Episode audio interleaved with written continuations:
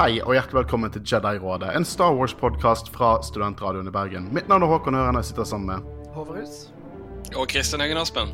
Og i dag skal vi snakke om The Mandalorian chapter 13, The Jedi. Og jeg eh, Ja.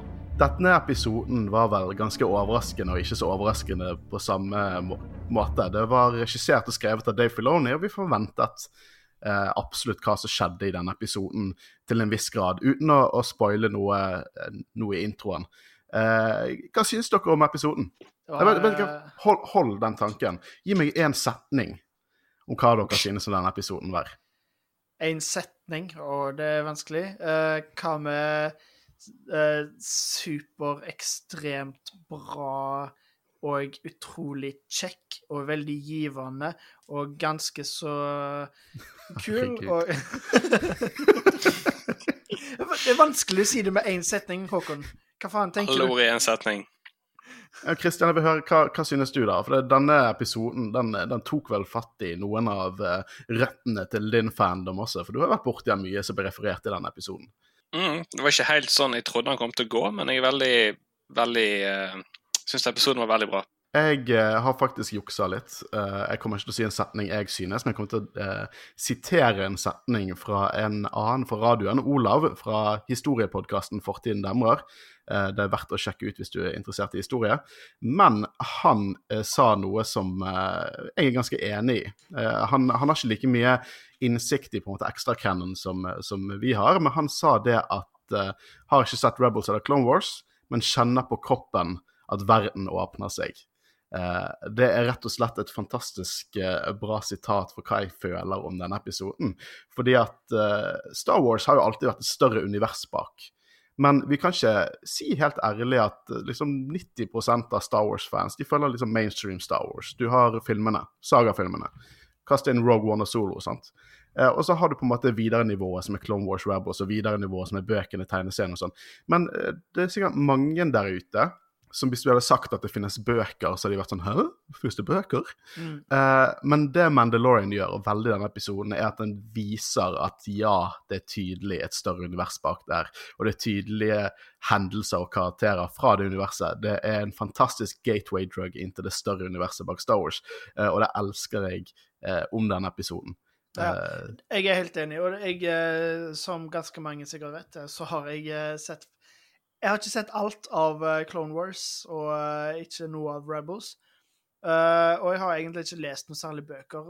Alt det jeg liker best med Star Wars, er filmene, men det er jo ting jeg har hørt om. Så når ting ble nevnt i denne episoden, så var det liksom sånn Å ja, det har jeg hørt om. Kanskje, hm, kanskje jeg på tide at jeg må lese det. òg.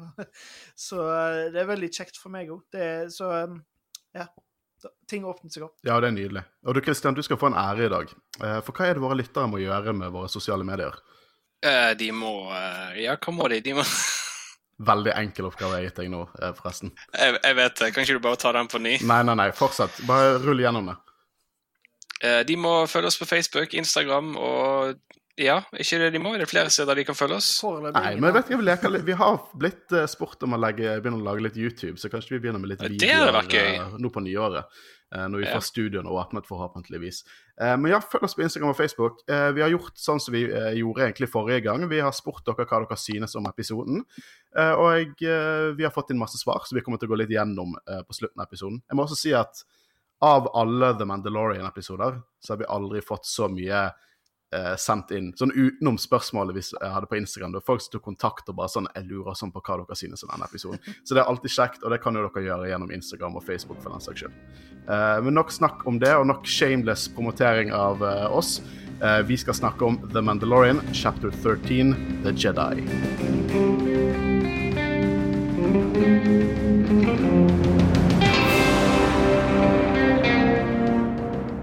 Advare om at dette her er en spoiler-podkast. Hvis ikke du har sett episoden, så bør du slå av nå. Is it spoiling? Do you understand?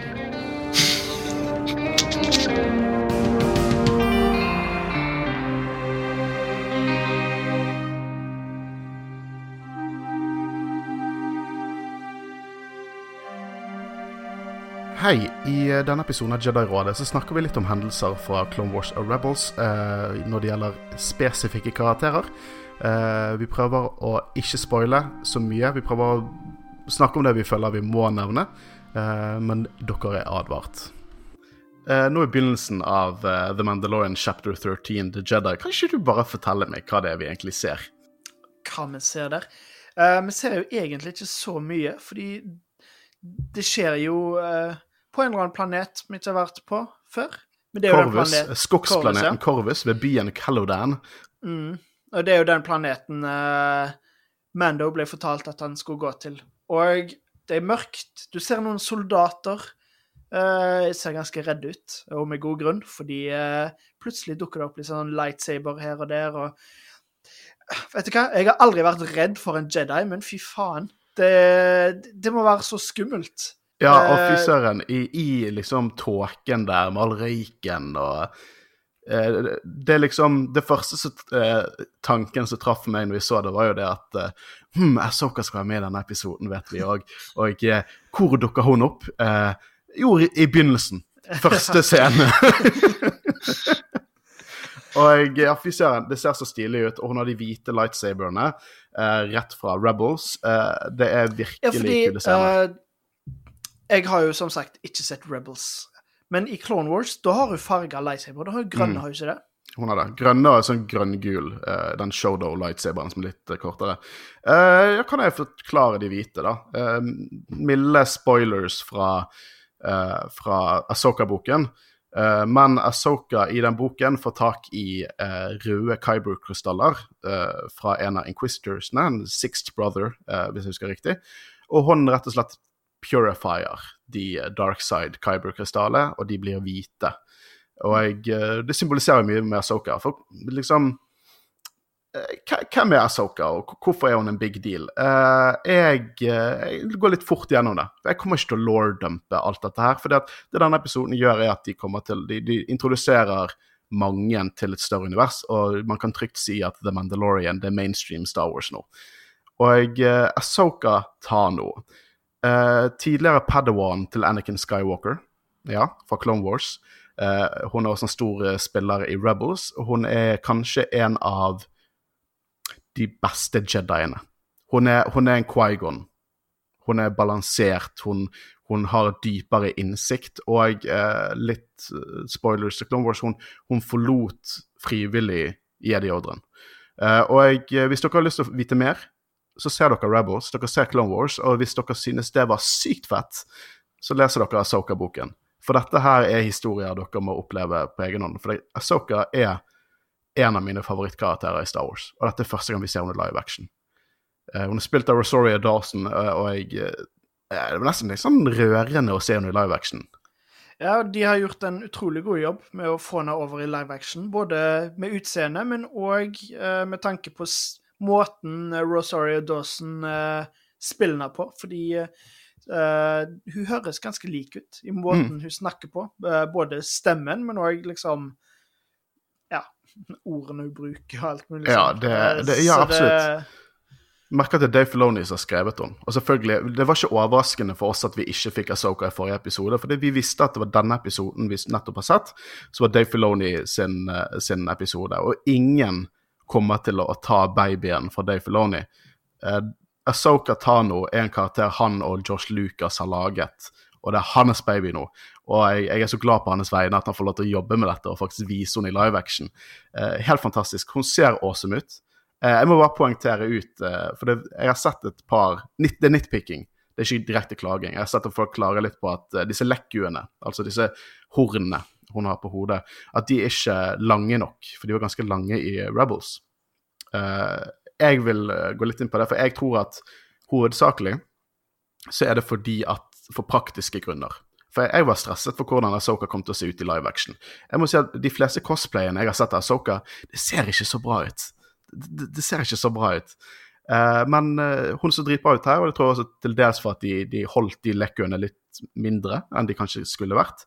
Men så to eh, Rebels er en veldig De har en spesifikk stil på seg. Med Quarry-kunsten. Vader i Rebels ser ikke ut som live action Vader. dette live action Asoka. Så for alt vi vet, er det bare den stilen hun har i animerte, og at egentlig har, har hun mindre lekkhus. Sånn, fikset det for dere. Hører dere? I hvert fall uh, det, det, Hun er en big deal. Big deal i Cannon. Og jeg al hadde aldri trodd at jeg kom til å få en live action Mandalorian-serie uh, der Asoka dukket opp. Uh, hadde, å, jeg liksom jeg, jeg, er litt uvel over hvor hypet jeg er denne episoden. Litt, som, litt, litt kvalm. Uh, jeg, husker, jeg, husker, når vi fikk rykter om det for første gang, hvor, ske, altså, hvor, skeptisk du var på om det faktisk kom til å skje, Håkon. ja. Ja, jeg husker, vi, vi, snakket jo om det på, i Jedi Order også. Og du, mm. du, ga meg litt crap over at jeg var så skeptisk. Men jeg bøyer meg i støvet. Du hadde helt rett. Jeg bøyer meg totalt i støvet. Det må jo være tidenes dårligste holdte hemmelighet, fordi det har vel aldri vært offisielt at det var Rosario Dawson som skulle spille Asoka. Mm. I forrige episode, eller nei, for to episoder siden, så fikk vi jo vite at uh, Mando skulle møte Asoka. Men vi visste jo fortsatt ikke hvem som spilte henne. Men da regnet vi jo med at jo, det var ja. jo Rosario Dawson. Men, uh, det var ikke offisielt sagt fra Disney, men det var jævlig dårlig holdt hemmelighet, ja. Men jeg skal innrømme, altså for starten av episoden så var jeg egentlig jeg var litt skeptisk. For jeg, jeg følte liksom ikke at skuespilleren passet så bra i starten, det skal jeg ærlig innrømme, men hun vokste på meg i løpet av episoden. Ja. så det at... Uh... Har, det, hun har noen, har noen, linjer senere i episoden som virkelig skrek Asoka for meg. Eh, vi kommer tilbake til de eh, senere. Men i hvert fall det vi har sett, er at hun har sparket rumper eh, i tåken utenfor denne byen. da. Eh, og vi ser liksom Vi får se et par, uh, par bad guysene i episoden. Jeg liker at det begynner med at du tenker hvem er denne her? Hvorfor er alle livredde? Du ser innbyggerne løper, og alarmen går. Og så tror vi nesten at det er Soka som er bad guyen, og så viser det seg at nei, du har, har denne magistraten av denne byen. Morgan Elspeth heter hun. Så irriterte meg, for det er Elspeth. Kanskje bare, kanskje bare hun bare heter Elisabeth? liksom Come on, Star Wars. Men òg uh, Morgan Elspeth. Det må være det minst Star Wars-aktige navnet i Star Wars-universet noensinne. ja, det, det, det, er alltid gøy når et par av de dukker opp. Uh, vi, har, vi har for oss å se en uh, annen dusørjeger, eller mercenary, Lang, spilt av Michael Bean. Hun husker jo vi som Hicks fra Alien-filmene. Han og, og Kyle Reese. Kyle Reese, ja fra mm. Terminator. Kjekt å se han. Eh, han har holdt seg bra. Han er begynner å gå opp i årene Jeg. Han... Kjente han nesten ikke igjen? Nei, ikke, jeg, jeg, var litt usikker, for jeg visste at han skulle være med i serien. Rykter tilsa at han skal ha en rolle. bare sånn, Så hvem er det der? Han minner meg om noen. Sånn, Faen, det er Hicks! uh, og jeg, de står der og på en måte ser på dette her, da.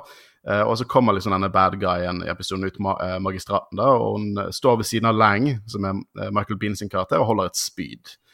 Uh, og da kommer Soka liksom ut av skyggene. Hun sier liksom 'reveal yourself, Jedi', og hun, vi ser at hun kommer ut. og og Asoka-musikken fra Clone Wars Rebels kicker inn, uh, mikset med litt sånn Mando-esk musikk. Nydelige greier. Og uh, det viser seg at Asoka vil ha kunnskap, en kunnskap som Morgan har. og Morgan truer med å drepe beboerne i byen. Sånn 1, 10, 100. Og så hun er helt klart the bad guy her. Eh, og Asoka vil redde byen og få en, denne spesifikke informasjonen som vil blir teaset gjennom uh, denne episoden. Uh, og jeg, jeg syns det er litt uh, gøy, for det er når uh, Bo-Katan i episode tre snakket om Du må finne Asoka på liksom, The Forest Planet of Corvus og alt dette her. Så jeg, jeg, så ikke for meg bare dette postapokalyptiske ødemarken som vi er på nå. Jeg så litt for meg en mer grønnere planet. Ja. Men det kommer midt inn i liksom, den actionscenen og den situasjonen. Eh, det er kult. Det leker litt med forventningene mine. I hvert fall uh, Mando ankommer byen, og vi ser at Racer Quest med Din Jarin og barnet ankommer ut fra hyperspace. Uh, og vi får en liten sånn foreshadowing-scene. For du ser at, at baby Yoda han bruker liksom The Force på den der Racer Crest-spakekul-tingen. Uh, kanskje litt foreshadowing til hva som skjer senere i episoden. da. De er veldig flinke med sånne smådetaljer. De på en måte, Sånn som i epis forrige episode. De viste alle liksom disse speederne og verktøyet som de kom til å bruke på et tidspunkt før eh, Helt fram til klimaksepisoden. Eh, jeg bare syns det er litt kult, for det er ikke sånn at de bare drar det ut av ingen steder. Det gir en bedre pacing, føler jeg. Og denne episoden hadde en fantastisk spacing. Det var som en liten samuraifilm jeg fikk liksom ja. Kill Bill-vibes til tider. Veldig samurai. Jeg liker veldig godt måten de på en måte leker med sjangre på. Det har jeg vel nevnt tidligere òg, at uh, Mandalorian klarer det. Det er både en western, det er samurai, du har Ja, du har action, komedie. Ja, det, det er rett og slett utrolig bra gjennomført. Jeg synes det, eh, og jeg synes at, eh, at Nå hopper jeg litt mer på sånne generelle tanker. Jeg synes at uh, i denne episoden så var det noe jeg ikke synes falt helt på plass. Jeg synes actionen var litt undervelmende, kanskje. Mm. Uh, men jeg elsket alt som skjedde i episoden, og jeg likte veldig godt enkelte sånn, scener og musikken og, og skuespillet, for den saks skyld. Jeg tror bare Dave Filoni blir gradvis bedre. Jeg syns ikke han er helt der på live action perfekt helt ennå. Men det, det er ikke rart. Dette er jo liksom denne og Gunslinger-episoden fra sesongen. Det er jo det er natt og dag. Dette er så mye bedre. Men eh, eh, angående det du sier òg, jeg føler at eh, dette er første gangen Fordi de bruker jo sånne der digitale skjermer på eh, liksom et digitalt sett. Og vanligvis så ser det veldig bra ut, men jeg tror det har nok litt med det visuelle med at det var så mye tåke og alt mulig sånn. Mm. men denne episoden er det første gang jeg på en måte virkelig har sett at OK, dette er bare et digitalt sett. Ja. Uh, det var jo på ingen måte noe som tok meg helt ut av serien, uh, men jeg bare la merke til det at uh, det var ikke like bra som det pleier. Ja, tanken falt inn hos meg også. Og det er sånn, jeg, som du sier, det er liksom ikke så ta meg ut av det. men det er bare sånn, For det, nå har det blitt sånn at jeg ser etter. Jeg ser etter feil, fordi det ser så bra ut, på en måte. Mm. Så det er sånn, hvis dette var en vanlig film, så hadde jeg tenkt sånn OK. Og nå sånn Ja, det pleier å se helt perfekt ut. Nå, nå ser det litt. Men det, det, er ikke, det er ikke nødvendigvis en kritikk mot serien, men er en god tanke, da. Eh, men Mando og barnet kommer ned, og vi ser liksom den nedbrente skogen, og eh, jeg må kalle det dinosaurer Mm. eh, i bakgrunnen. Veldig kul verdensutbyggelse, syns jeg. Det skaper en veldig kul stemning. Mm. Så Mando og Baby Yoda de går mot byen, og så blir de møtt av Lang, da, Michael Bean sin karakter. Og, og det blir fortalt at Mando er en dusørjeger med The Guild, og det kommer på en annen tanke. Fordi at eh, det har vært veldig lite tracking fob incidents i denne sesongen. Eh, og slik jeg tenkte litt på det, bare sånn, ja, det er en ganske stor Han har jo ikke skrudd av liksom muligheten til tracking fob, men det må jo være fordi hans connection med The Guild og, eh, og og faen, Carl sin karakter, Grief Garger, Og de er vel sikkert ting der at de ikke vil The Guild vil jo sikkert ikke offisielt ha noe med The Empire å gjøre, så litt var av den klienten på en måte var mask, eller liksom fronten til det ekte Empire. Så de var, eller ekte, en del av det ekte Empire. Så, så det kan godt hende at det er forklaringen på at det er færre dusørjegere som aktivt eh, jakter på han. Og vi vet jo at Moff Gideon har festen tracker på, eh, på Razor Crest, og da tenkte jeg litt sånn, hvorfor ikke bare en tracking form? Men det kan hende at det er en guild-ting, rett og slett, og, derfor, og det har ikke han lenger tilgang til. Uh, for det, det er en liten sånn kalle det kanskje litt sånn mysterium. Ikke, jeg vil ikke kalle det plot hole, men det er litt sånn tracking fobs og alt det der. Det er noe som irriterer meg litt, for jeg trenger en forklaring på det. det er det mest magiske i Star Wars for øyeblikket. Ja, det blir spennende å se om vi får uh, vite litt mer om det, eller uh, Helt sikkert i The Visual, Diction Visual Dictionary som kommer i, i juni. Garantert. Uh, men han går inn i byen, da, og vi ser en sånn eh, 8D Smelter Droid. De, kjente dere de igjen, eller? Fra Return of the Jedi? En av de torturdroidene i Jabba's Palace. Ja, det, det ja. Mm. Mm. Og jeg merker at folk, innbyggerne, vil liksom ikke snakke med Mando. De løper forbi han, og de virker livredd. Eh, og Mando går bort til en fyr som heter eh, Wing, eh, som sier at Mando ikke må snakke med noen. og at liksom ikke snakk med barna mine, ikke snakk med noen. Han virker livredd, egentlig. Og da blir Mando avbrutt av noen vakter som sier at magistraten vil snakke med. Eh, så han følger med vaktene, da. går inn i mot et palass, rett og slett, eh, og ser etter sine fanger i elektrobur. Og inne i, eh, i på en måte palasset så er det helt annerledes enn den ned, nedtrampede byen med fattigdom og grusomhet. Der er det en liksom fin, rolig hage med små dammer. og Jeg liker sånne små paralleller. Sånn liksom eliten hadde perfekt eh, på toppen. Mm. Veldig fine, fint sett. Det er kult design på det. ja. Jeg følte jeg fikk sånn, litt sånn samuraifølelse ut av den lille hagen. Ja, veldig. Eh, Veldig japansk. Veldig. Og hun, hun så Hva heter hun der igjen? Hun eh, Morgan Elspeth.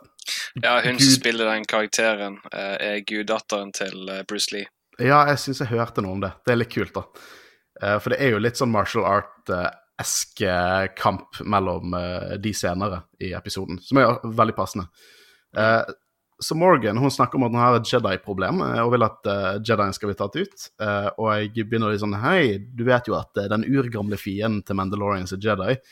Så tar hun fram et fullt Beskar-speed. hun poengterer ut at det liksom etter litt testing og gir det til Mando, og Mando slår det mot rustningen sin og hører liksom klingingen. Og han sier at det er rent Beskar, pure Beskar. Og dette er en ting som dere sikkert ikke bryr dere om like mye som jeg gjør. Men jeg har en liten teori om at uh, den første rustningen Mando hadde i sesong én, ikke nødvendigvis er, ikke Beskar. Jeg tror hun er delvis Beskar. Sånn som første scenen, når jeg i, i den baren i sesong én, så kommer det noen bøller bort og sier sånn Er dette ekte Beskar? Og så tar jeg kniven på han, og så ser jeg noen gnist, gnist, gnister. Og så sier han senere, når han får Beskar, han sier at rustningen har mistet sin in integritet og så må han må kanskje starte på nytt. Uh, jeg føler at hvis han ikke hadde hatt Beskar før, så hadde han sagt sånn eh, Du, nå vil jeg Beskar, bare jeg vil ikke ha den lenger. Gi meg Beskar nå. Jeg tror at den var delvis Beskar. Jeg tror ikke han var pure Beskar, men delvis Beskar. Og når det ikke er pure Beskar, betyr det at det på en måte er, er smelta sammen med noe annet? Eller bare at én mm. del er Beskar, en annen del er noe annet? Jeg tror, jeg tror smelter sammen med noe annet. Du tar paralleller til ekte metall. Metall, Ekte herdet metall kan jo miste sin integritet og kan være blandet med annet metall. Så katanaen er jo blandet av forskjellige metall. Eh, liksom klassiske katanaen. Så hvis du trekker litt sånne paralleller inn til Star Wars-universet, så tror jeg det er at ja, delvis Beskar, eller liksom ikke fullt pure Beskar, er mulig å ha. Eh, og det viser seg at han har pure Beskar-rustning nå, det antok jo vi. Eh, og at dette spydet, det er også pure eh, Beskar.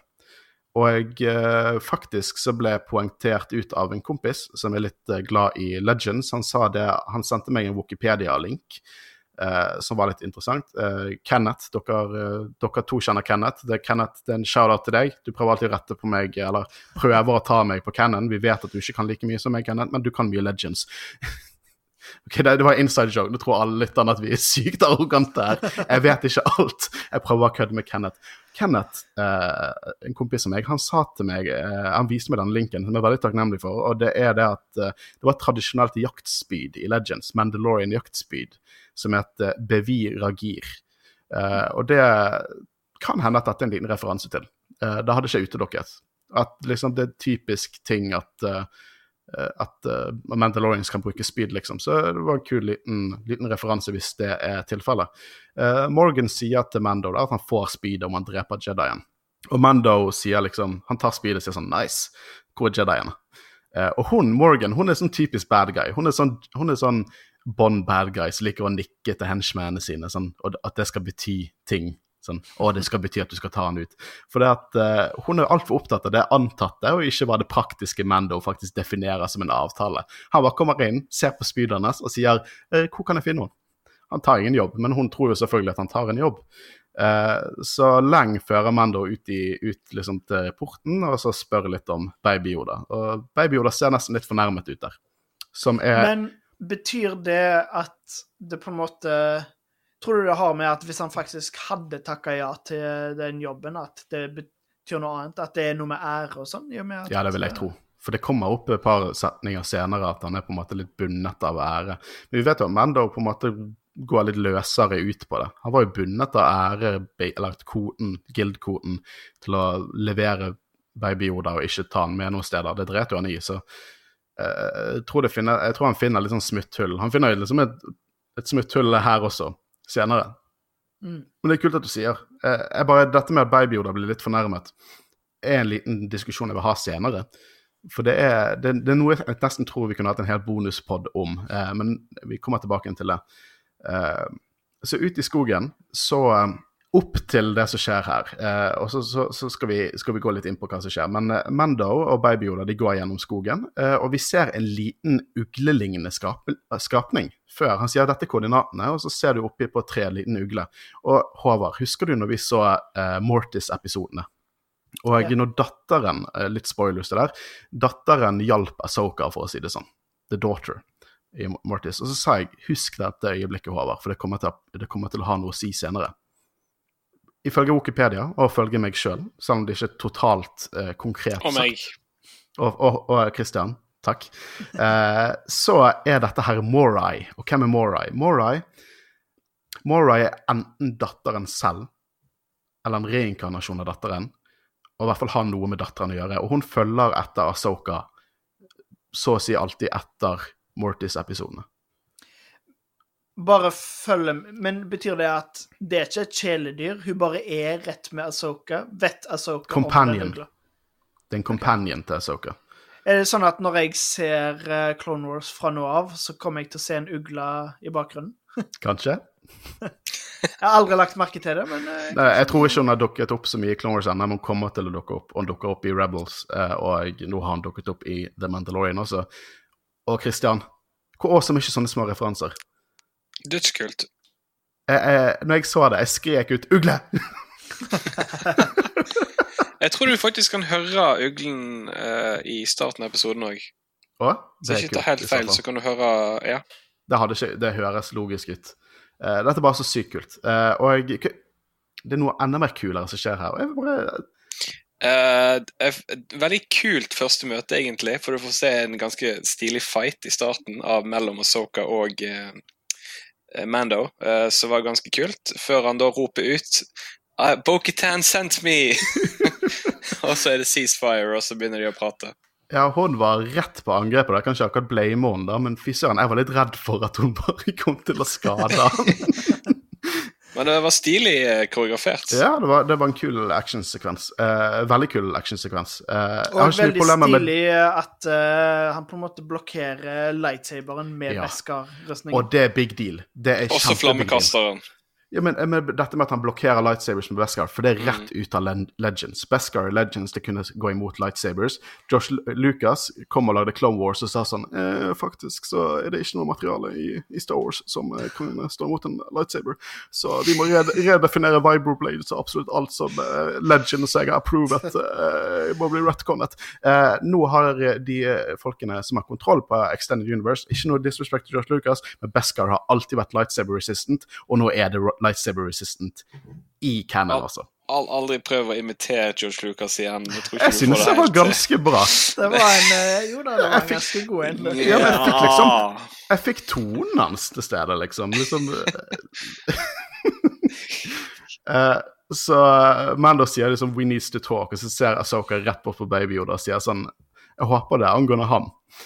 Eh, og eh, igjen, å, designet til Asoka. Nå ser vi det i lyset, og det, det ser ut som Asoka. Hun snakker som Asoka. Jeg skulle tro det var Asoka. Jeg så at det var en samtale mellom Ashley Eckhart, som har stemmen hennes i Clone Wars Rebels, og Rosori Dawson på Instagram, eh, da de støttet hverandre, og det var jo veldig koselig å se. Liksom ikke noe bad feel, sånn at det ikke er Ashley Eckhart som, som spiller henne, da. Så eh, det er kutt til natt, og vi ser at eh, Asoka og barnet på en måte kommuniserer. Hinter sterkt, og det blir forklart senere, at eh, de kommuniserer gjennom The Force. De sitter egentlig bare og ser på hverandre. Og Asoka har et sånn lite lunt smil, og til slutt så ber barnet om å bli, liksom bli løftet opp og ta ut armene. Og det, det er Asoka som løfter opp baby-Yoda, og det er så jævlig søtt. Jeg liker skikkelig godt måten uh, Mando bare går liksom nervøst fram og tilbake, og liksom bare Han s- ser ut som en bekymra far. på en måte. Ja, det er sånn, liksom. å, dette er way over my pay grade. uh, så Mando han spør liksom om, eh, om han snakker, da. Og Asoka sier liksom eh, kinda. Og så sier hun uh, Hun sier at Grogu Grogu! Han fikk et navn! Og det er så passende navn. Jeg elsker Grogu. Å, det var så... jeg, jeg- tenkte det var, det var så rart i begynnelsen, fordi det hørtes Grogu Det tar tid å venne seg til, men det er passende. Jeg har fortsatt ikke lært det, for jeg har lyst til å si Goku hele tiden. Jeg er ikke stor Dragon Ball Jeg er ikke Dragon Ball C-fan i det hele tatt, men jeg har lyst til å si Goku. Men Jeg har lyst til å si Baby Yoda i, i tillegg. Nei, det er Grogu. Det er Grogu. Ja, Det er din, det er din Jarin, og så er det Grogu. Kaller han for Mando, jeg. Baby-Yoda eller Mando. Eh, nok om den teorien fra våre tidligere sesonger. Uh, hun bare name-dropper. Bare sier å, Grogu og jeg kan føle hverandres tanker. Hun Bare, bare sier det. Og Mando er akkurat sånn som oss. Han bare uh, Unnskyld? Grogu?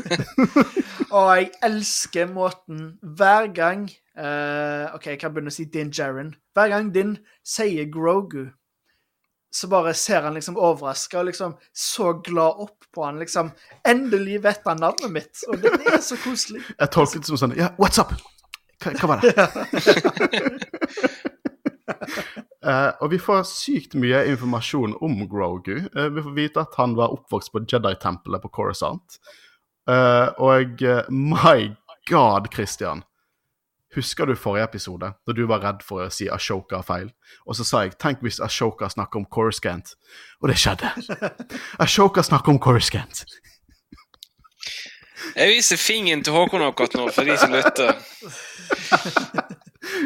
For Ashoka snakker om at han var oppvokst på Coruscant og trent av mange jeg, kan jeg bare si at jeg er bare glad det er ikke noe referanse til drivstoff i denne episoden. Så jeg, keep going. Hver eneste episode med en, eh, et fartøy Jeg har jo en indirekte referanse til drivstoff, så der går det litt feil.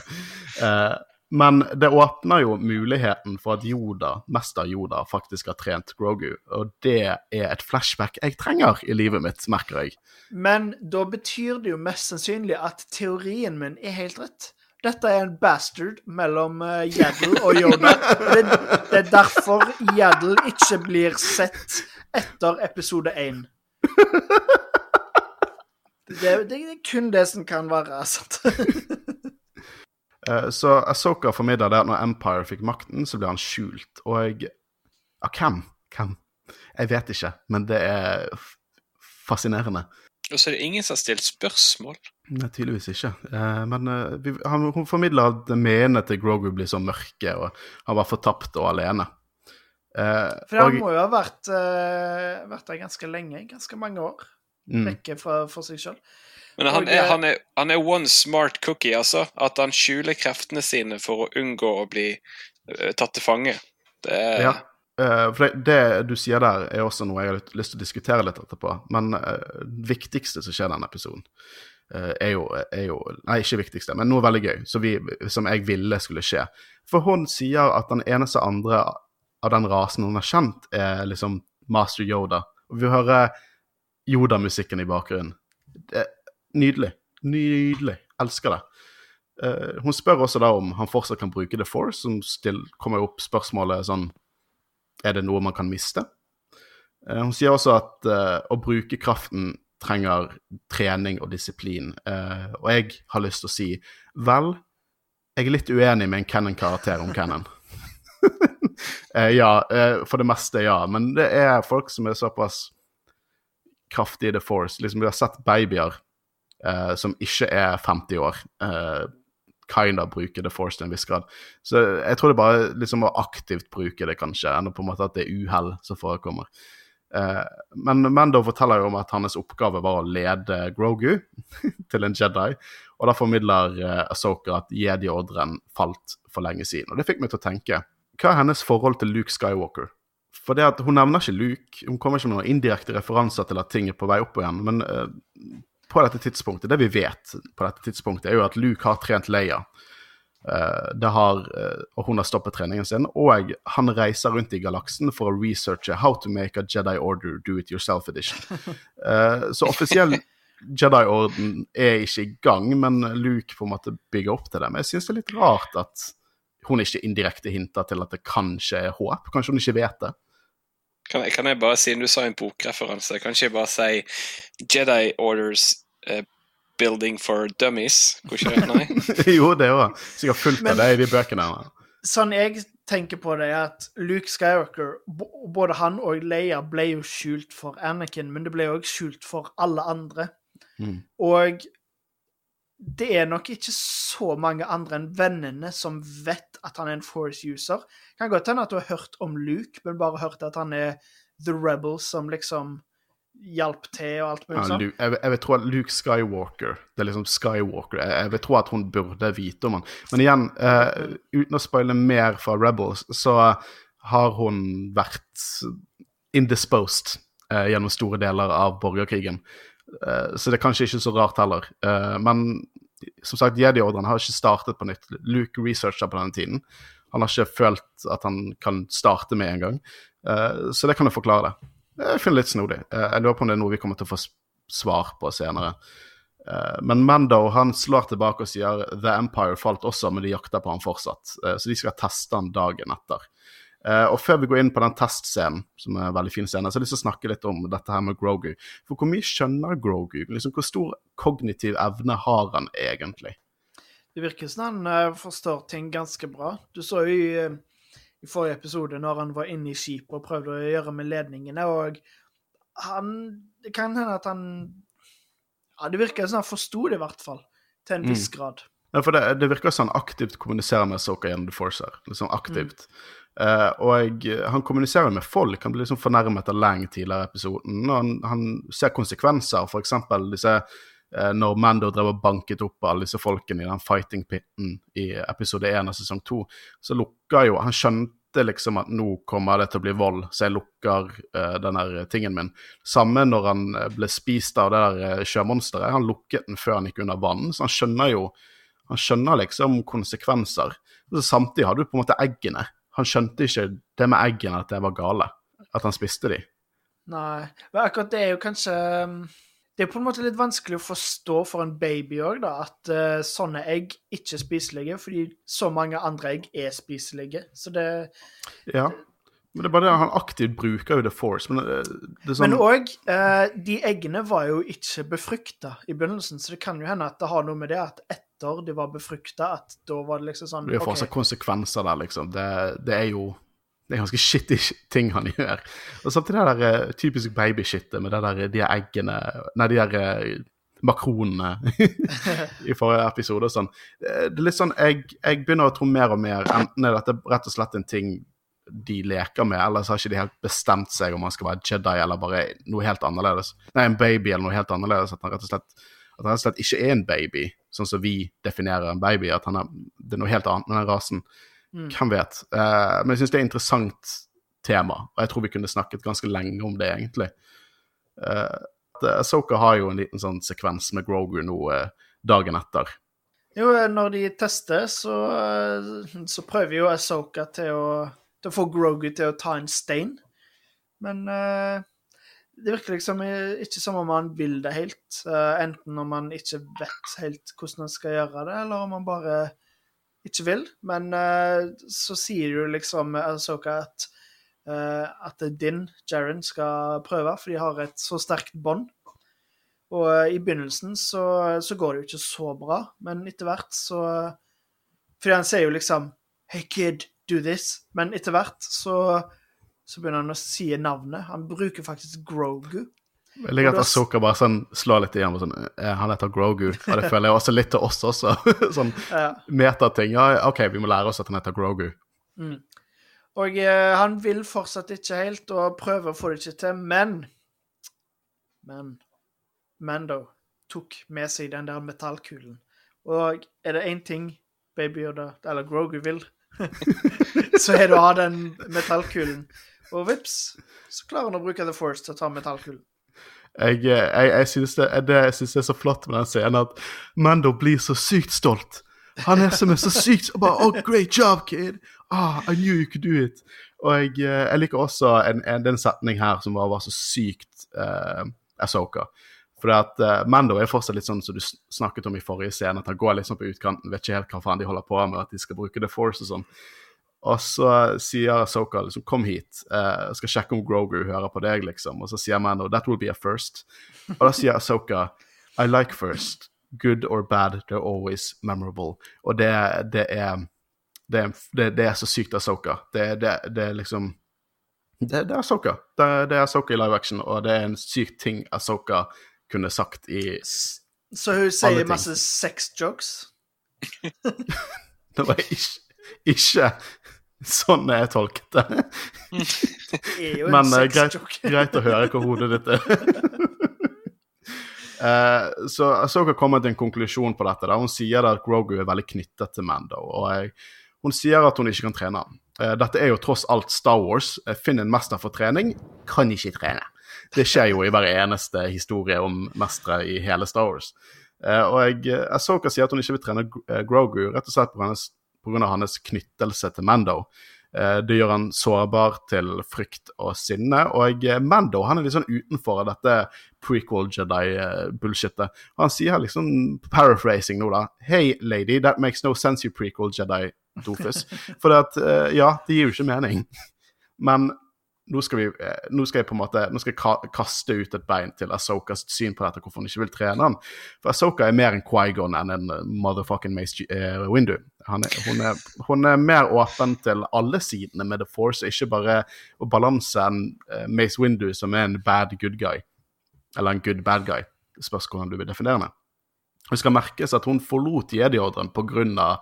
sin mindre tillit til til, til dette her. Eh, men så har vi et stor eh, liksom element som jeg liker å kalle Darth Vader, eh, som også er nokså nok ferskt i minnet hennes. Eh, hun sier at eh, hun har sett hva slike følelser kan gjøre med en fullt trent eh, jedi-ridder til de beste, og dette er jo en klar referanse til Anakin Skywalker, aka Darth Vader.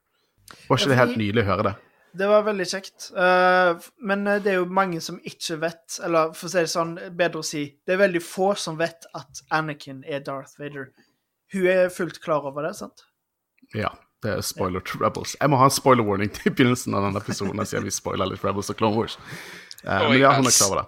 Men det er jo helt klart referanse til det, og vi vet jo at, at hun vet det. Men hun sier han ikke vil føre barnet ned den veien, og heller la kraften forsvinne over tid fra Grogu. Uh, og det er litt, uh, litt, Luke Last Jedi her uh, til Asoka. Heldigvis så kaster hun ikke Grogu bak skulderen sin når hun holder han i armene, da. Som, men ja, jeg skjønner jo hvor hun kommer fra. hun avbryter hele samtalen og sier at hun må tilbake til landsbyen. Og da sier jo Mando at han egentlig var sendt her for å drepe henne, men han tok ikke jobben. Og han vil hjelpe henne hvis hun hjelper å trene Grogu. Og hun på en måte blir enig med det, da. Jeg føler jo litt at hun bruker han for jeg tror aldri at hun kom til å trene han. Uh, men når du er desperat, så er du desperat. Uh, det er nå også noen uh, kule law dumps, eller Legends-referanser, vi slengte ut der. For det at Mando begynner å fortelle om liksom, hvilke våpen vaktene har, men så sier han også at det er to HK-87 Assassin Droids. og det er droider vi har sett tidligere i episoden. Uh, I Legend så var jo HK47 fra Nights of the Old Republic-spillet en veldig kjent droide. Liksom, mange sier på det som sin favoritt liksom, i Star Wars. Veldig, veldig sarkastisk psykopat, rett og slett. Uh, og det er en referanse til HK-serien med droider. Det er alltid veldig gøy. Uh, designet er tatt rett ut fra Rolf McQuarrie sin konseptkunst, som er også veldig gøy. og et emblem som er på de droidene. et emblem som symboliserer The Seventh Fleet. Uh, og det refererer til også noe helt annet som vi kommer til å få vite om senere i episoden. Uh, det var litt gøy, for den, der, den Seventh Fleet den er, de visste den de vist den i hele episoden. Hele episoden. Fram til reveal på slutten, uh, om at det handler om noe helt annet. så han forteller også om denne mercenaryen, da, Lang, og at han, han, ut Han virker som en ex-military. Uh, og det var en annen liten scene her, for han sier at uh, ikke engang dine laser swords kan slå imot seg slik ildkraft. Og så ser jeg Asoka smiler litt lurt. Anakin kalte ofte lightsabers for laser swords. Tror du det var en liten sånn hun ble minnet på Anakin og smilte litt lunt? Det kan godt hende, ja. Det var den første tanken som slo meg når jeg sa det. Uh, men Asoka begynner jo å fortelle oss om magistraten også, da. og hun heter Morgan Elspeth Kjempebra navn. Og forteller at familien ble drept under klonekrigen. Og begynte jeg med en gang å tenke er dette en karakter vi har møtt, men nei, hun er helt ny til, til, til Sours. Eh, hun overlevde, og så tok hun sinnet sitt ut i industri som hjalp å bygge The Imperial Starfleet. Hun plyndret verdener og ødela dem i prosessen, eh, og det kan jo egentlig vise litt hva som har skjedd med, med Corvus-planeten. For det at uh, Mando sier liksom, det ser ut som det er still in business, men med hvem? Hvem holder på med? Uh, og Asoka spør litt mer om uh, fangene i elektroburene, og liksom, de må redde de. Uh, og da kommer vi liksom inn på hele den siste kampsekvensen, og jeg Jeg vil høre deres meninger om det før jeg begynner å spy ut mine meninger. Det var en veldig stilig utført kampsekvens. Jeg liker veldig godt at liksom Asoka tok den Denne rustningdelen med insignie til, til Din Jaren og liksom bare kastet han på bakken og sa 'Your assassin is dead'. Og liksom Veldig sånn typisk uh, Det er litt, litt klisjé på en måte, men veldig kult utført. Ja, men Star Wars er jo litt klisjé. Det er Josh Lucas sa klisjeer er klisjeer, for klisjeer funker. Jeg syns det var stilig når hun hoppet opp på uh, der som bjellen var. Der den som lagde lyd. sant? Det var ganske stilig. Jeg likte fighting-stilen der, for det minnet veldig om fighting-stilen hun har i uh, animert serien. Ja, bare noen kutter gjennom én person og den bjellen samtidig. Ja. Det er dritkult. Jeg elsker å se litt skikkelig lightsaber-action i, i, i, i Mandalorian også. Og det er bare sykt kult å se de hvite lightsabersene. Eh, og det er full samurai. liksom også Hun på en måte kjemper seg gjennom porten, og så bare står alle der, bare HK-droidene, Lang og uh, Elspeth og alle vaktene, og så bare går hun der mens veden tar tak i kappen hennes og kaster den rustningplaten. Jeg er litt for opptatt av detaljer som sånn props og ting, for jeg var så nervøs for at de ikke kom til å plukke opp den sånn at han hadde hele settet. At de kom til å glemme så, rustningplaten. Sånn som det ser ut i fighten, så hadde hun egentlig ikke bruk for Mando i det første, så hvorfor har hun ikke gjort dette før? For så hun kunne greid det på egen hånd. Men hun har jo absolutt bruk for Mando senere. Ja, senere, de... senere, ja, men det virker som hun kunne tatt seg av alle de der folkene der uten problem. Jeg vet ikke, jeg føler at Mando var en del for å liksom keep her back. Sånn, Hun stoppet jo lenge fra å komme inn eh, og hjelpe Morgan senere, da. Så jeg kjøpte den biten. Uh, jeg har også en liten andre eh, ting her. Uh, for at Lang han har en blaster shotgun, og det tror ikke vi har sett før. Vi har sett shotguns før, som fysiske liksom, kuler i Star Wars. Trandoshan er veldig glad i å bruke de. Men vi har ikke sett en blaster shotgun. Uh, og jeg må, jeg må, si at dette må være en referanse til shotgun, den veldig ikoniske shotgun han bruker i Aliens når han er Hicks. I like to keep this uh, uh, for close encounters, eller noe sånt, sier han. Det må jo være en refer referanse til det. Han får en første liksom, blaster shotgun i Star Wars Cannon. Det, det må være det. Det, det er min headcanon. uh, så angrepet er på gang, og liksom det er Asoka uh, først liksom The Prey, men så blir hun The Hunter, og det, det er veldig kult. Um, uh, Morgan ber jo vaktene liksom å henrette fangene som går hus til hus, og da hopper Mando ned og tar ut vaktene, mens uh, mens Morgan går liksom til palasset sitt og får se litt sånn Lothcats som på en måte sniker rundt omkring, og det er jo alltid kjekt fra Rebels. Uh, og en annen liten kul referanse er at Asoka trekker lightsaberne sine ved å holde dem på en måte inntil hverandre og dra ut strålen, på en måte. En ting hun gjør ofte i Rebels, så det var kult å se i live action. Vi ser at hun tar ut en av HK-droidene, som er viktig til informasjonen kommer senere. for det at når hun løper etter uh, Morgan inne i tempelet. Det er sånn Når Lang kommer ut, så ser han at Mando står der som han er Clint Eastwood. Og så over skulderen ser du at Soka står i, i borte, og begge ser stirrer ned Lang, og så hopper hun ned for å ta ut uh, Morgan. Og da er jo det Mando som skal på en måte ta ut uh, Lang, da. og de står der liksom og, og, ser hverandre ned, og så får vi klipping til at Asoka versus Morgan. og jeg, jeg er litt sånn jeg, jeg, vet ikke, jeg synes ikke den duellen mellom Morgan og, uh, Asoka var så sykt veldig utført. Den var litt litt ned. Sånn ja, Der er jeg ikke helt enig med deg, altså. Jeg syns den var ganske bra laget til, jeg. Jeg tror kanskje de hadde litt et par begrensninger med, med tanke på at uh, Morgan brukte spydet. Uh, så de, vi fant jo ut tidligere at uh, Beskar er lightsaber resistant. Men det er jo et par begrensninger når du har lightsaber versus Beskar, så jeg tror at hvis uh, Det hadde jo ikke gitt mening at du hadde hatt lightsabers, men det hadde nok blitt en kulere visuelt uh, utført duell om det hadde vært det. Så på en måte så skjønner jeg hva du mener, men allikevel så føler jeg òg at den er ganske bra utført. Ja, jeg, jeg, jeg, sier jo ikke min, min rett. Jeg bare, jeg vet ikke, jeg bare Action, bortsett fra et par uh, scener, traff ikke meg veldig liksom godt. Akkurat det kan jeg si meg litt enig i, men uh, jeg føler på en måte at det, det kan òg ha litt med Dave Filoni at han ikke er ja. så. Men jeg tror det er det. Han, han prøver seg fortsatt på live action. Han har på en måte ikke fått alt det inn ennå. Uh, så jeg, jeg, jeg, sier, jeg, mener ikke det er et problem. Uh, jeg, elsker jo denne. Jeg liker denne episoden veldig godt. Uh, jeg har noen bekymringer som vi tar litt senere, men jeg liker generelt denne episoden veldig godt.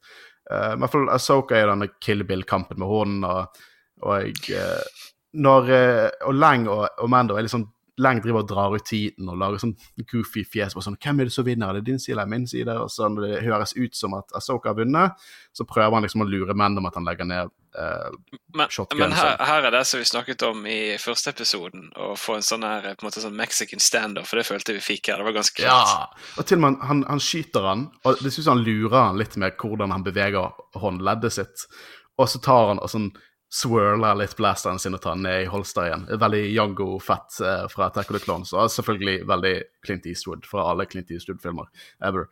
Eh, og jeg, eh, så kommer jo droid, den siste HK-droiden, og den gjør han samme arbeid på. Han får litt hjelp fra han eh, eh, Wing, eh, som sier 'oh, behind you', og så skyter han ned den. Og her, nå skjer det store ting her. For at Asoka har liksom Morgan til sin nåde, og så spør hun hvor er mesteren din, hvor er Grand Admiral Thrawn? Du aner ikke hvor mye frysninger jeg fikk når jeg hørte det navnet. Ja. Å, fy faen. Å, dette, dette, dette er heavy shit, altså. Å, Fy faen, det er heavy shit. Uh, jeg så ikke den komme. Eh, selv om HK Droyne har hatt ikonet hans på seg gjennom hele forbanna episoden, sin første scene, så hadde jeg aldri trodd at What? OK. eh, så i begynnelsen må, Vi må gå litt inn på hvem han er, for de som ikke vet hvem Grand Admiral Thrawn er. Eh, øverste admiral i The Empire. eh, veldig nært forhold til Palpatine og Vader. Han er en av de få som antar, bare av ren intelligens, at Vader er Anakin Skywalker. Han imponerte Palpatine såpass mye at han er vel en av de få, hvis ikke den eneste alien, som har en så høy rang innenfor The Empire. Eh, han er en eh, rase som er chiss, blå folk med røde øyne, og han kommer fra the chiss ascendancy i unknown regions. Uh, det er så å si et stort uh, independent empire som ikke er veldig kjent for liksom, det hovedgalaksen, og det er stort empire vekke fra the empire, basically.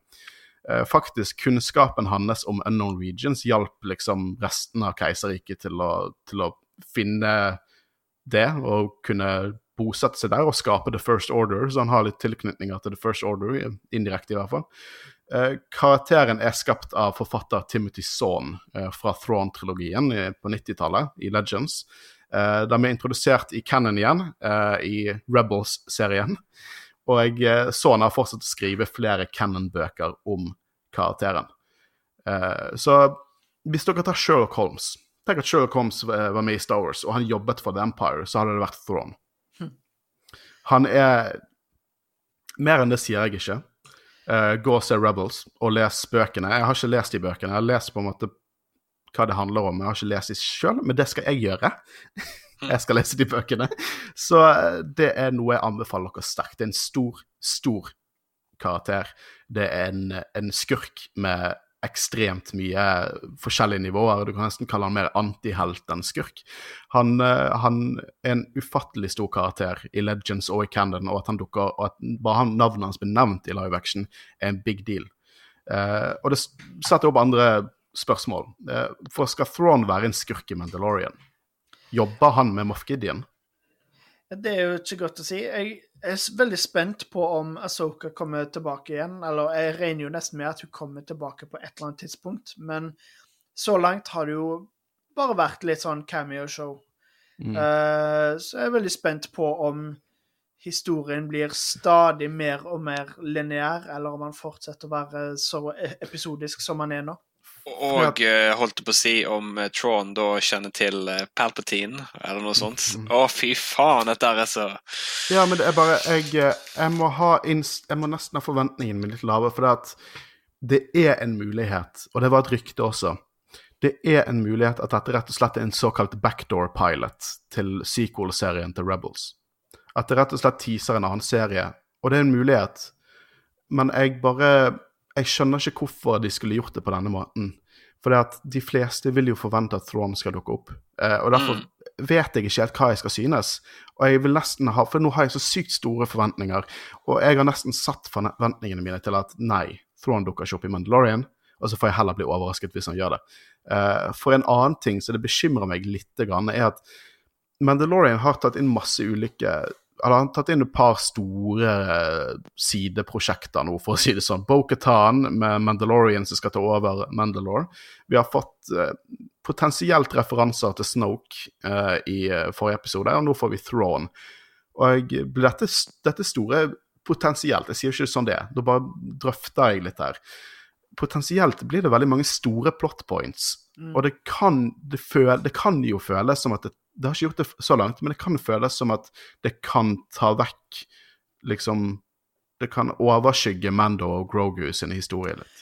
Akkurat det er jeg helt enig i. Og uh, Jeg har likt veldig godt uh, å se forholdet deres, så uansett hvor kult det er at både Bo-Katan er med, både uh, uh, Asoka og sånt, så føler jeg òg på en måte at selv om de passer godt inn i historien, de gir for så vidt ganske god mening at de dukker opp, så håper jeg de ikke Jeg har sagt det før òg, at jeg håper det ikke bare blir som liksom neste uke. Det er en, enda en stor cameo. Det er noe vi kommer snart til, for vi har jo ennå ikke snakka helt ferdig om episoden. Men at det, da får eh, vi vite at de skal til et nytt Jedi-tempel, og kanskje det dukker opp enda en ny Jedi. Så jeg bare Mm. håper det liksom ikke blir Ja, Kim kom, dukka opp denne gangen. Who's that Jedi? liksom.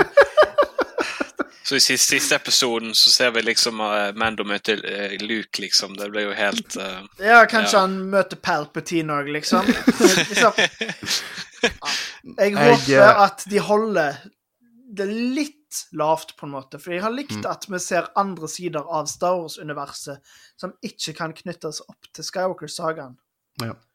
Men nå må jeg si det at hvis Thrawn er med, så kan han fungere. Han er, han er levende stor del, tidligere stor del av Vampire. Han har dette ikonet, Seventh Fleet-emblemet, det Hydra-ikonet, har han fortsatt på eh, droidene sine, liksom. Og hun, Morgan Elspeth hun jobber jo fortsatt innenfor industrien som jobber under borgerkrigen. Så det kan godt hende at Moff Gideon enten jobber for eller jobber med Thrawn. Jeg bare, Moff Gideon er en sykt kul skurk. Jeg er litt redd for at Thrawn kommer til å overskygge han. Jeg tror han jobber for Thrawn, Jeg tror ikke han jobber med Ja. Tron. Ja. Hvis jeg skjønner Thrawn riktig, så tror jeg han jobber for Thrawn. For det at Ja. Thrawn ain't, ain't no bitch. Nei. Nei. Eh, det kan fungere. Vet du hva? Jeg, jeg må si at jeg har hørt litt på andre youtubere og podkaster om, sånn, om på en måte denne frykten her. Og hvis vi ser tilbake på sesong én, når vi var i episode fem, The Gunslinger fra sesong én, så var vi så bekymret for liksom Oi, disse karakterene vi møtte, hvorfor er ikke de med videre? Og hva, hva er det som skjer her? Hvorfor knytter ikke de det opp? Og så gjorde de det. Perfekt. Episode 80 i sesong 1 er fortsatt min favorittepisode fra The Mandalorian. De knyttet det opp med en perfekt liten liksom, mm, med klake på toppen. Det er perfekt. Eh, så jeg, eh, jeg må si at ja, det er veldig eh, Jeg, jeg har potensiell eh, frykt for hvordan det kan gå. Jeg vil ikke at de skal gå helt amok på liksom å knytte alt sammen, men der vi, sånn vi er nå, så tror jeg nesten at jeg stoler ganske blindt på de gutta. ass. De, Mm. de har nailet det fram til nå. Eh, ting fungerer. Det, liksom, disse referansene, Bokhatan og alt sånt, det er organisk knyttet til historien. Så jeg tror ikke vi skal få panikk med en gang. At Nei, det blir og mye. vi må jo også huske at det er jo faktisk tre episoder igjen av denne sesongen. Mm. Vi vet ikke, har ikke peiling på hvor det går uh, herifra. Uh, men det blir interessant å se. Eh, hvis, det blir, hvis det er en backdoor pilot, så burde de annonsere den ganske snart, så ikke folk forventer uh, ting som ikke dukker opp. Uh, jeg må bare si at jeg har veldig lyst på en Rebels live action sequel-serie. Uh, det hadde jeg satt veldig stor pris på. Hvis Disney hører på meg, gi meg Rebels i live action. Takk. Hvis så- Disney hører på meg. Eh, så Asoka og Mando de går ut av byen, mens eh, guvernør Wing blir guvernør. Uh, og Mando tar imot, motvillig imot Beskar Speed. Og litt det du snakket om, Håvard. Altså, han finner liksom, Først sier han nei, jeg kan ikke ta imot det, jeg fullførte jobben. Og så sier hun ja, ja, men Mandalorian way and all that. Og så sånn, ok da. Uh, men vet du hva dette betyr? Det betyr at vi kommer til å få en Dark Saber versus Beskar Speed-kamp. Garantert. Vi har fått så mange scener som understreker at Beskar er lightsaber resistant. Vi kommer til å få en awesome kamp mellom Moff Gideon og Mando. vet, vet du hva, det, jeg er helt enig med deg. Det kan egentlig bare ta bank i Mm. bordet. Det kommer til å skje. Jeg må bare eh, shout-out til Marius Haugan, eh, som var med oss eh, for noen episoder tilbake. Det var han som poengterte det ut, eh, så Marius, du får all credsen der. Eh, men ja, det, det er jo garantert det som kommer til å skje. Mm. Garantert. Men det jeg kom til å tenke på bare akkurat nå eh, tror dere, Det kan jo da hende at eh, hvis vi får den kampen, at eh, at Din Jaren faktisk vinner over Moff Gideon. og- At han blir Mandalore. Nei, ja, kanskje Det var ikke det jeg tenkte på, men du vet Noe vi alltid vet med Star Wars, noe som er, er de mest kjente sitatene There's always a bigger fish. Så det kan jo godt hende at Moff Gideon ikke jobber for eller med Grand Admiral Thrawn, men at Fordi stort sett, nesten gjennom hele forrige sesong, så var det jo ikke Moff Gideon som var skurken. Da var det Werner Herzog. Jeg har allerede glemt ut hva han heter. Wow, det er god tanke. Eh, så det kan godt hende at ja, han er skurken nå, men at han ikke lenger er skurken i neste sesong. Det kan godt hende. Det hadde ikke utelukket. Jeg tror jeg kunne likt det også. At Throne kommer inn og bare er enda større big bad. Helt på slutten av uh, sesongen. Ja. Men det, det, det, som- det som er kult med tanke på uh, hvis det blir uh, Dark Saber mot uh, Beskar Speedet. er det bare awesome å se sesong tre der Man Mando har uh, Dark Saber i tillegg til den fete rustningen. Å, fy fader. Ja, men så storymessig, hvis jeg tenker vekk fra Star Wars Cannon, storymessig, så gir det mer mening at Mando får det sverdet.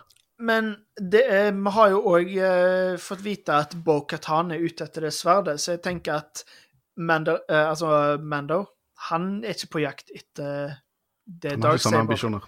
Så dere Nei. tror han gir det fra seg? Jeg tror heller han gir det fra seg til Bo-Katan enn at han Ja. beholder det sjøl. Ja.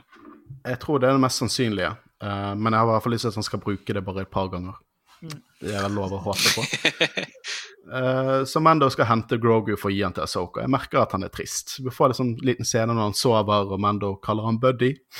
Jeg har et sad face i notatene mine. her. Uh, så holder han Grogu litt og venter på at han skal våkne. Uh, og Asoka dukker opp og sier igjen By the way, jeg kan ikke trene han, du. Og han bare What the fuck, da?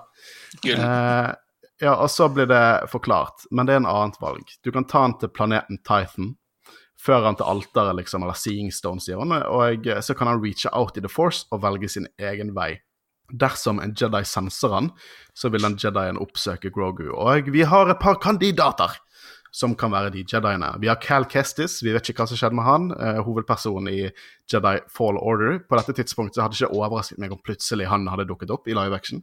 Vi har Ezra, Eh, og vi har Luke Skywalker. Eh, og eh, det jeg heller tror, er for det at med Luke Skywalker dukker opp, det blir for mye. Det blir litt for mye. Jeg, jeg Jeg tror tror, at jeg tror Ezra hadde dukket opp, jeg. det kunne jeg kjøpt, at Ezra dukket opp. Eh, jeg, jeg, jeg tror at mest sannsynligvis er det nyen. Eh, mest sannsynlig så får vi se nyen hvis det dukker opp noe Jedi der. Eh, men hvem vet? Det er bare det, De stiller eh, spørsmål som potensielt kan ha veldig store svar, for å si det sånn. Tror dere at uh, han drar der uh, kanskje neste episode, eller i hvert fall denne sesongen, eller er det noe som blir en litt større questline for neste sesong?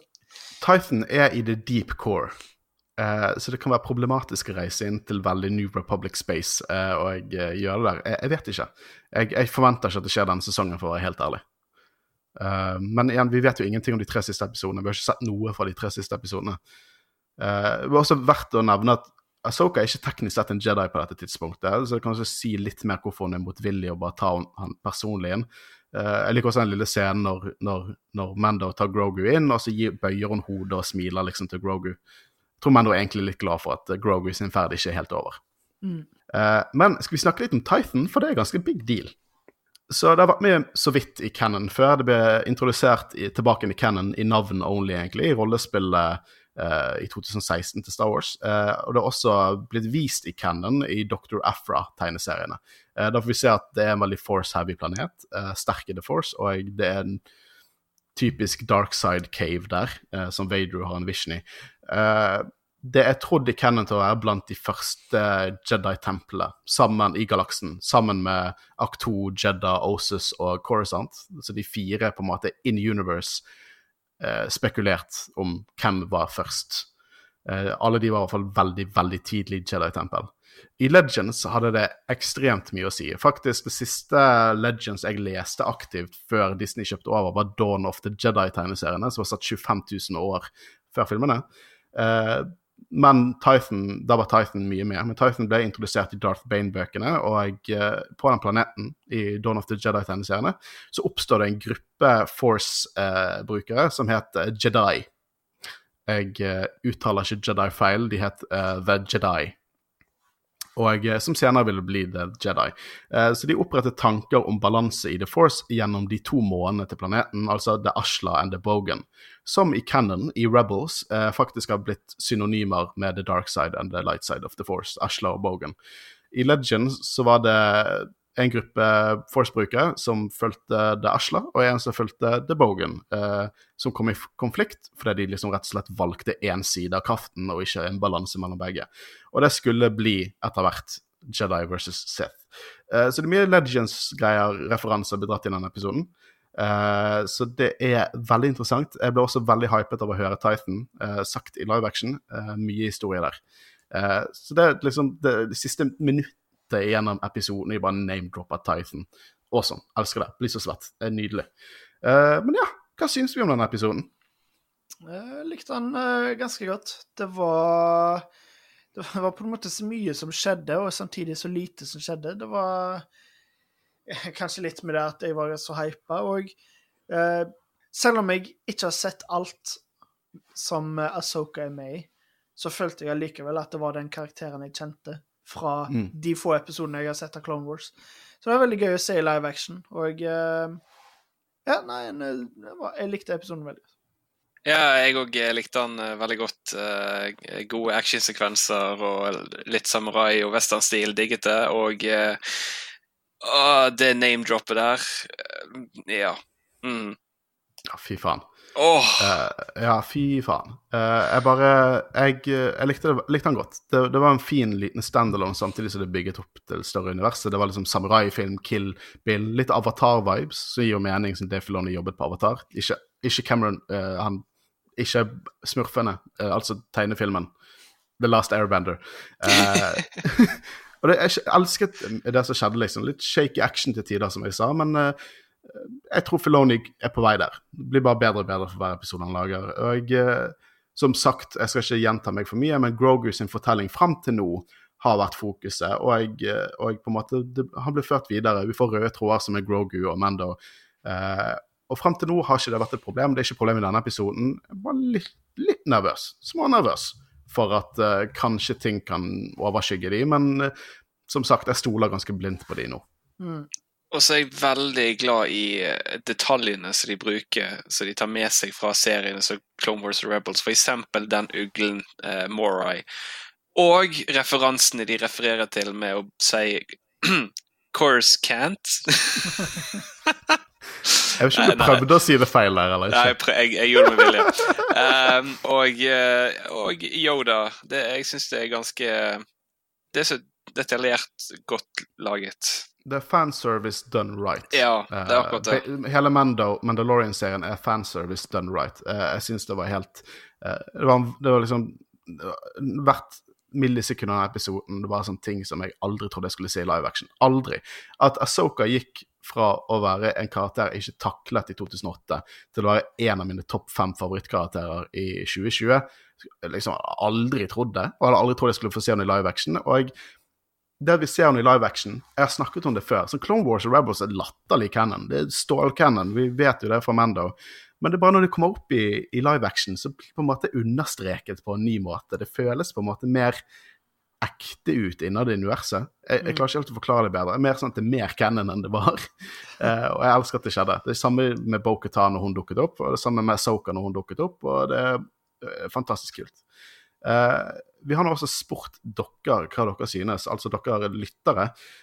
og jeg, dere var ganske ville, for å si det sånn. så jeg, jeg, skal nå lese opp det vi fikk inn når vi sendte ut, Eh, spørsmålet. Vi spurte dere hva dere syns om The Mandalorian, chapter 13. Uh, så først uh, likte den veldig godt uh, Asoka med Beskar speed, som kan brukes mot Darksaber, Thrawn. Woohoo. Ja, det er fra Marius fra Hardcore. vi, vi, har allerede gitt deg cred for den teorien, så sinnssykt bra. Men sykt mange spørsmål man sitter igjen med. For vi ser Thrawn, Ezra, andre Jedi. Ja, vi sitter nå sammen med de spørsmålene sjøl. vanskelig å si oss. men jeg, jeg, liksom, jeg trodde aldri Thrawn skulle dukke opp i The Mandalorian. Så jeg vet ikke om det er verdt for meg å spekulere det hele tatt. Nå har vi spekulert litt i denne episoden, men jeg, bare, jeg vet at den serien kommer til å overraske meg som, til de grader fra episode til episode. Uh, en som har svart er kresen. Er du kresen på episoden? Det, det er lov til å ha forskjellige scener. Liksom, det er jo ikke en perfekt episode, og det er alltid lov å ha forskjellige meninger. Så jeg forventer liksom ikke at alle skal elske det. Sånn, hvis man ikke har kjempestor kunnskap til Clone Wars og Rebels, så kan det hende at ikke denne traff like godt som som for andre. Eh, og så fikk syke frysninger av den bassen som droppet da Asokas lightsaber ble vist. Jo, jeg begynte å grine. Denne serien er helt fantastisk og blir bare bedre og bedre. Jeg kan si meg ganske enig i den. Jeg har fått et par sånne jeg ble anerkjent som fan-moments-tårer i øyet mitt, så uten tvil den beste til nå. Ti av ti. Gledes til Throne kommer, redd for at han kommer til å overshadowe Gideon. Ja, vi er litt bekymret for det, da, men uh, Thrawn fortjener å overshadowe egentlig alle skurker, syns jeg. Men òg hvis de gjør det på den måten som, uh, som jeg uh, teoriserte med, så, så, føler jeg at det gjør ikke noe om han overskygger, fordi da ja. jeg, jeg, jeg, kjøper det du sier. Jeg, jeg, tror det fungerer. Jeg tror veldig også på din Bobafett-teori som vi har snakket om. Håper han dukker opp med i serien. Uh, tanken på live action Thrawn gjør meg varm og god. Ja, jeg ble ganske svett da jeg hørte navnet hans. Eh, veldig svett når jeg hørte navnet hans. Eh, den beste episoden så langt, She's back, baby! Jepp. Uh, litt rart at Asoka hadde så korte tentakler og hårgreier, men sykt bra episode. Ja, det gikk vi litt gjennom. Jeg tror det er en praktisk grunn, som sagt praktisk grunn, og uh, at det kan bli forklart med at uh, Rebels er litt mer stillifisert, hvis det er et ord, enn live action. den var helt awesome passet perfekt siden jeg akkurat var ferdig med å høre Asoka-boken. Denne episoden er sånn helt perfekt hvis man nettopp har lest boken eller sett seriene. Og så er det perfekt som å på en måte introdusere nye fans til de. Så gå og les, gå og se. Det er sykt mye bra Star Wars å vente der ute. Fantastisk. Um, likte veldig godt at Mando brukte rustningen mot Asoka sine lightsabers. Ja, jeg òg. Jeg tror kanskje det var, det var en av de største øyeblikkene for meg til tross for alt det store som skjedde i denne episoden. Grogu hjertefjes liker veldig navnet til Baby Yoda. Jeg tror vi alle egentlig gjør det her, i mm. rådet i hvert fall. Veldig det passer, Han ser ut som en Grogu. Han ser ut som en Grogu. Var oppe hele natten til klokken ni på morgenen for å se episoden. Angrer ikke et sekund. Ja, jeg måtte sorry, jobbe. Jeg måtte dodge spoilers helt til klokken fire på fredag. Det var helt grusomt. Jeg må gjøre det hver fredag. Jeg tror uh, neste år så skal du prøve å uh, liksom bare bytte vekk alle vaktene på fredag. uh, fantastisk. Likte live action Asoka, selv om lekkuene var for korte. Det var fra Hardcore, spillmagasinet Hardcore. Jeg vet det deg, Marius. Jeg vet det. Du, du har sendt inn to, for du skjuler deg bak spillmagasinet Hardcore. Og her er også en veldig bra en. Asoka og tusensmil glisefjes vi, også, vi, har fått inn også noen meldinger fra, fra, andre her angående dette. her. Da. Akkurat sett chapter 13 av The Mandalorian. Veldig spent på å høre hva dere synes om den. Uansett, fortsatt med det gode arbeidet. Eh, tusen takk for det. Eh, jeg skal ikke si navnet ditt, for det har ikke vi avtalt. Men eh, tusen takk for det, og jeg setter alltid pris på sånne meldinger. Jeg håper du er fornøyd med episoden vår. Det er alltid kjekt å få, få sånne meldinger. Hei dere, denne episoden var virkelig en følelsesmessig berg-og-dal-bane. Var fint å se Soka og hennes kjemi med Grogu endelig har fått et navn, var nydelig. Og interessant at hun senset mye frykt i han. Throwback til Anakin og Yoda. Svært at hun nevnte Yoda også. Håper virkelig Asoka blir med videre, og at hun og Mando kan oppdra Grogu sammen. Vet du hva, de, jeg, det, det var, de var, et handsome couple. Jeg sa det jeg sa det når jeg sa det. De er et handsome couple. Det synes jeg. Jeg tror at jeg shipper de to. Men ja, tusen takk for meldingen der, og ja, det gjenspeiler mine følelser rundt denne episoden. Jeg tror, jeg tror, egentlig vi var 99% happy med den, vi og lytterne våre. Så det, det, det, er kjekt at Star Wars er så elsket som det er nå. Det har hatt litt røffe perioder i de siste årene, men we're back, baby. Star Wars are back. Jeg, jeg, jeg, har likt det meste av det Disney har gitt ut, så ikke for min mm. egen del, men det er kjekt at det, folk samler seg, at fanbasen uh, samler seg litt rundt uh, Star Wars igjen. Det er alltid kjekt.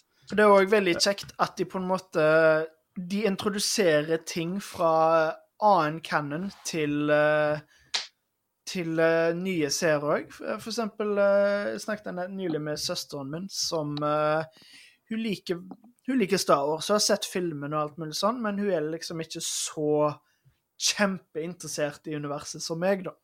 Men hun har òg begynt å se Mandalorian, da. Så det er veldig kult at hun òg kan få innblikk i større deler av canon. Ja, jeg er helt enig. Det, det, det, jeg har sagt før at mine følelser rundt Solo og Star Wars Story er litt sånn shaky, men eh, det den filmen gjorde veldig bra, var at den introduserte folk til dypere canon med at Darth Maul plutselig levde. Eh, jeg føler at Mando gjør det episode etter episode. Hinter til det mye større universet, enda mer enn annen Star Wars har gjort. Eh, og det syns jeg er kjempeflott, eh, fordi at eh, det er så mange gode historier i Star Wars-universet som ikke nødvendigvis er live action. Eh, så gå og se. Gå og les eh, alt om Thrawn, alt om Asoka. Jeg vet i hvert fall at jeg skal gå og lese det jeg ikke har eh, 100% lest sjøl. og jeg skal i hvert fall bli ferdig med de før sesong tre.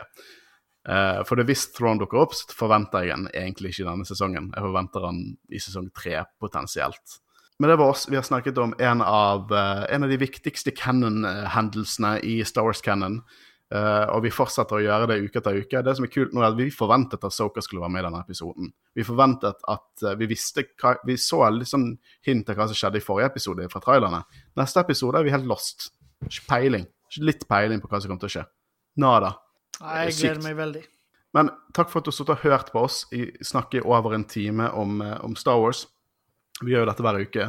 Uh, igjen, følg oss på Instagram og Facebook for litt mer behind the scenes, og kanskje sende spørsmål og sånn. Du ser jo at vi har lest opp mange uh, svar og spørsmål fra dere, som alltid er veldig kjekt å få.